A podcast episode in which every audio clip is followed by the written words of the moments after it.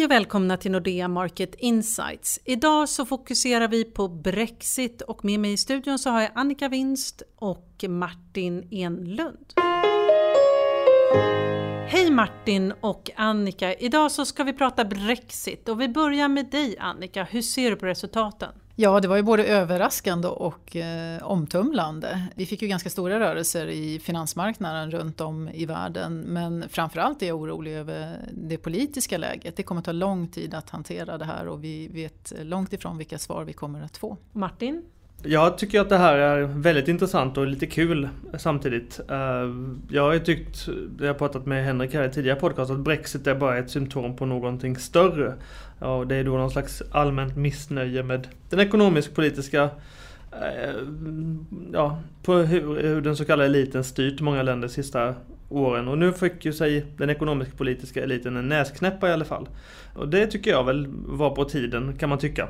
Eh, ska jag säga någon slags finansmarknadsimplikation från det här så är det förstås problematiskt att folket röstat fel. Eftersom spelreglerna nu blir lite otydligare än förut. Tidigare kunde man väl i hög grad lita på att folket skulle rösta rätt eller att om folket röstade fel så skulle de bli överkörda om man är lite, lite luttrade av sig. Men nu röstade folket fel tvärs emot experter och valslagningsbyråers prognoser och det gör ju att man måste fundera lite på vart världen är på väg i högre grad. Till exempel, nu kanske Donald Trump är lite mer sannolikt att han kan vinna om folket röstar fel även där. Och det där är ju problematiskt för marknaden och det förklarar ju lite av den här turbulensen vi, vi har sett i, ja, i valutor, räntor och på börs förstås. Men, kommer, ja. ja jag, jag, tänker att, äh, att folket ger eh, politiska etablissemanget en näsknäpp är kanske bra och riktigt om man har ett starkt ledarskap. Då tror jag att det hade varit bra, för då hade man kunnat rycka upp EU-samarbetet och fundera över vad är det vi ska göra, vad är det människor vill att vi ska driva för frågor och så vidare. Men det som jag är orolig för nu, det är att man inte har ett starkt ledarskap i Europa heller. Det finns ingen tydlig ledare eller flera ledare där. Som, och det gör ju att vi får den här osäkerheten som Martin är inne på när vi pratar om finansmarknaden. Vi, vi kommer få ett antal olika besked innan vi, vi vet var det här ska landa. Oh, och det som, det, som, det som oroar mig också är ju att eh, risken är ju att när man inte då har starka politiska ledare att det dyker upp människor som har extrema åsikter och som får ledarskapet. Och eh, det är ju ett eh, oroar mig. Men om vi då tittar på, för att många diskuterar nu, ska det gå snabbt eller långsamt? Vad tycker ni? Ja, jag tror ju inte att det finns. Det finns en snabb lösning och det är att Eh, Boris Johnson och andra i, Storbritannien väljer att ignorera folkets röst. Eh, så det skulle vara det absolut bästa för finansmarknaderna. Då skulle eh, London kunna fortsätta vara samma finanscentrum som det har varit. Man kommer inte åberopa artikel 50 i Lissabonfördraget och så vidare. Men det känns i dagsläget som ganska osannolikt. Om det nu blir så att britterna kommer ansöka om, om Brexit, vilket är det som man idag i alla fall tror som mest sannolikt, då kommer det bli en oerhört långdragen process förmodligen. Eh, Lissabonfördraget stipulerar ju att två år har man på sig, men det här kan ju lätt, förhållandevis lätt förlängas till hur länge som helst. Ja, det, det, är ju snarare så att eh, från när vi fick reda på valresultatet bara till idag, alltså de här få dagarna, så har ju eh, synen på hur det här ska hanteras svängt. Och jag tror precis som Martin att det kommer ta eh, väldigt eh, lång tid att eh, hantera det. Och vi diskuterar ju idag om Skottland ska sätta käppar i hjulet för det hela eller om Storbritannien faktiskt kommer begära det här för att de politikerna tycker någonting annat och så vidare. Den diskussionen hade vi ju inte precis när vi fick eh, budskapet. Jag vill lägga till en sak här och det är att i Storbritannien har vi nu en kris inom Labour, vi har en kris inom Tories, vi har en kris inom Storbritannien, Skottland versus England. Vi har en så här, splittring inom EU får man nog säga, inte så allvarlig än så länge, men där flera länder tycker att nu får ta med tusan britterna ratta på här och ansöka om artikel 50 och gå ut fort. Medan andra tycker att det är ingen, ingen fara på taket. Och till och med i Tyskland finns det lite splittring mellan Angela Merkel och Steinmeier, där den ena tycker att här behöver man inte skynda på, medan Steinmeier har varit lite annorlunda. Här är det väl Angela Merkel som bestämmer i slutändan. Så det är väldigt mycket politiska bollar upp i luften. Och det, det andas ju då att det kommer ta tid att reda ut den här sörjan. För om vi tittar på den svenska börsen och räntemarknaden så öppnar de idag för första gången efter det här beslutet. Hur har det påverkat? Catching down. Ja, börsen har ju gått väldigt mycket ner idag men frågan är hur övriga delar har påverkats. Svenska börsen har klarat sig hyggligt jämfört med andra börser, jämfört med tyska DAX till exempel, speciellt jämfört med perifera börser eh, som man kallar dem, eh, Milano och sådana här börser i Europa, så har svenska börsen klarat sig rätt så bra. Även kronan? Även kronan har klarat sig rätt så bra efter lite midsommaraftons turbulens, mm. då det satt några London-snubbar förmodligen och handlade kronor. Så, Men det var också mycket dålig likviditet ja, eh, inledande ja. som gör att man får de här stora slagen. Så, så förmodligen är det väl så att svenska börs och räntor kommer klara sig ganska bra för vi är Safe haven är väl att ta i men våra banker står mycket starkare än europeiska banker. Våra banker står mycket starkare än brittiska banker. Och det gör att man kanske ska bli lite bekymrad för brittisk tillväxt. Eller det är klart man ska. Europeisk tillväxt men lite mindre bekymrad om svensk tillväxt. För våra system funkar bra. Ja, det är också så att svensk tillväxt eh, de senaste åren har drivit av, i huvudsak av inhemsk ekonomi och det är ju den låga räntan som har varit motorn där. Och är det någon slutsats man kan dra av det här valresultatet så är det väl att räntorna kommer förbli låga och kanske ännu längre än vad vi trodde innan Brexit. Det vill säga de förväntningar man hade på centralbanker som Fed och Bank of England har man skjutit på framtiden eller tagit bort. Alltså de förväntningar på räntehöjningar.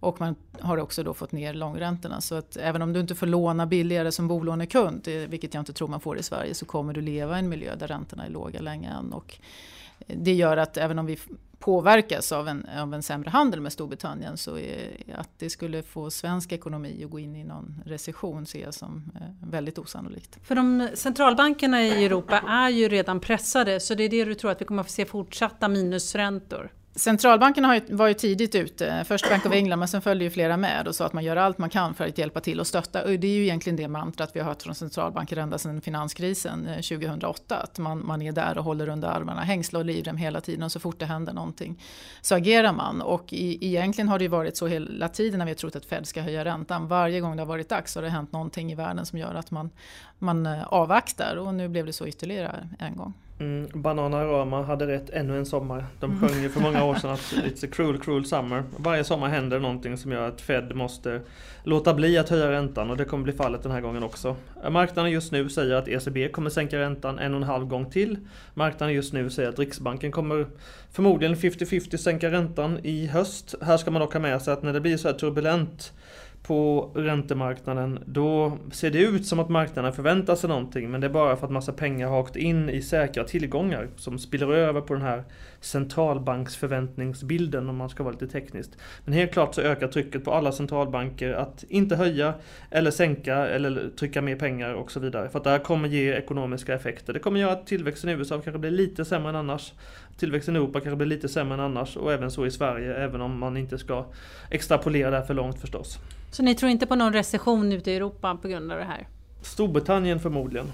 Ja, men, men eh, ganska mild ändå. Men, men det bygger ju faktiskt på att man inte fullständigt fallerar politiskt. Om politikerna inte kommer överens och man skickar väldigt eh, utmanande signaler, det vill säga att man, i, man inte kan landa det här på någon vettig bana, ja då är det klart att då får du en riskaversion. Och varför ska man som företag idag investera och ta risk eh, när du har de här signalerna? Nej, det är bättre att vänta och det får ju ekonomiska konsekvenser. Jag tror att det viktigaste eh, vore för marknaden just nu att det kom någon slags signal som tydde på att Storbritannien kommer vara med i den gemensamma europeiska marknaden så att man fortfarande får handla fritt med tjänster, Storbritannien versus EU.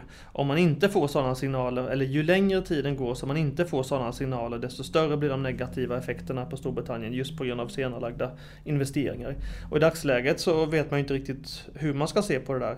Så kommande månader kommer marknaden, valutamarknaden, räntemarknaden handla en hel del på det här.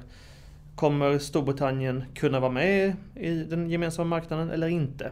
Det är inte 0 och 100 och hur den sannolikheten kommer styra mycket finansmarknaden tror jag. Men de styr också ekonomin för det är just det som företagen behöver veta. Vad är spelreglerna? Hur ser kartan ut? Och det är ju politikernas uppgift att rita den och nu är det liksom fullständigt tillstökat där ute och då behöver man sätta ner foten igen. Hur ska det se ut framåt? Och då undrar man lite så här, hur går EU vidare efter det här och vilka förändringar tror vi att vi kommer att se? Jag kan säga en sak där och det är att Sifos undersökning om svenskt EU-medlemskap pekade på att 52% av svenskarna skulle rösta ja till EU idag. Förvånansvärt stort tyckte jag personligen. Men det var faktiskt 14% bara som tyckte att unionen var på väg åt fel håll. Och att 52 är för men bara 14 tycker att den är på väg åt fel håll, så kan det ju inte fortgå över tiden. då måste ju EU svänga om. Annars kommer bara 14% tycka att Eh, e EU-medlemskap är bra. Så det är klart att omvandlingstrycket tilltar ju här på EU om man bara tittar på en svensk opinionsundersökning.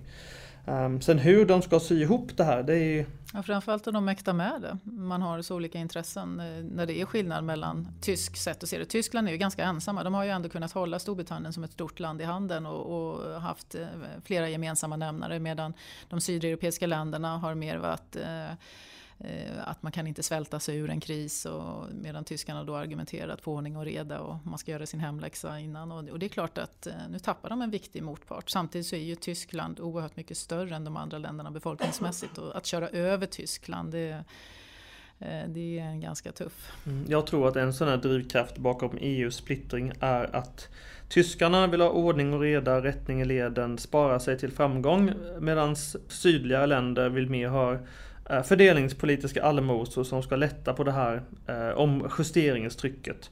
Alla vet ju idag att EMU är en extremt komplicerad konstruktion och inte något sånt där optimalt valutaområde på något sätt. Och det intressanta här är att om, om Angela Merkel börjar öppna upp för mer allmosor till sydliga EMU-länder, ja då får hon ju Allians för Deutschland mot sig och det blir inrikespolitisk splittring i Tyskland.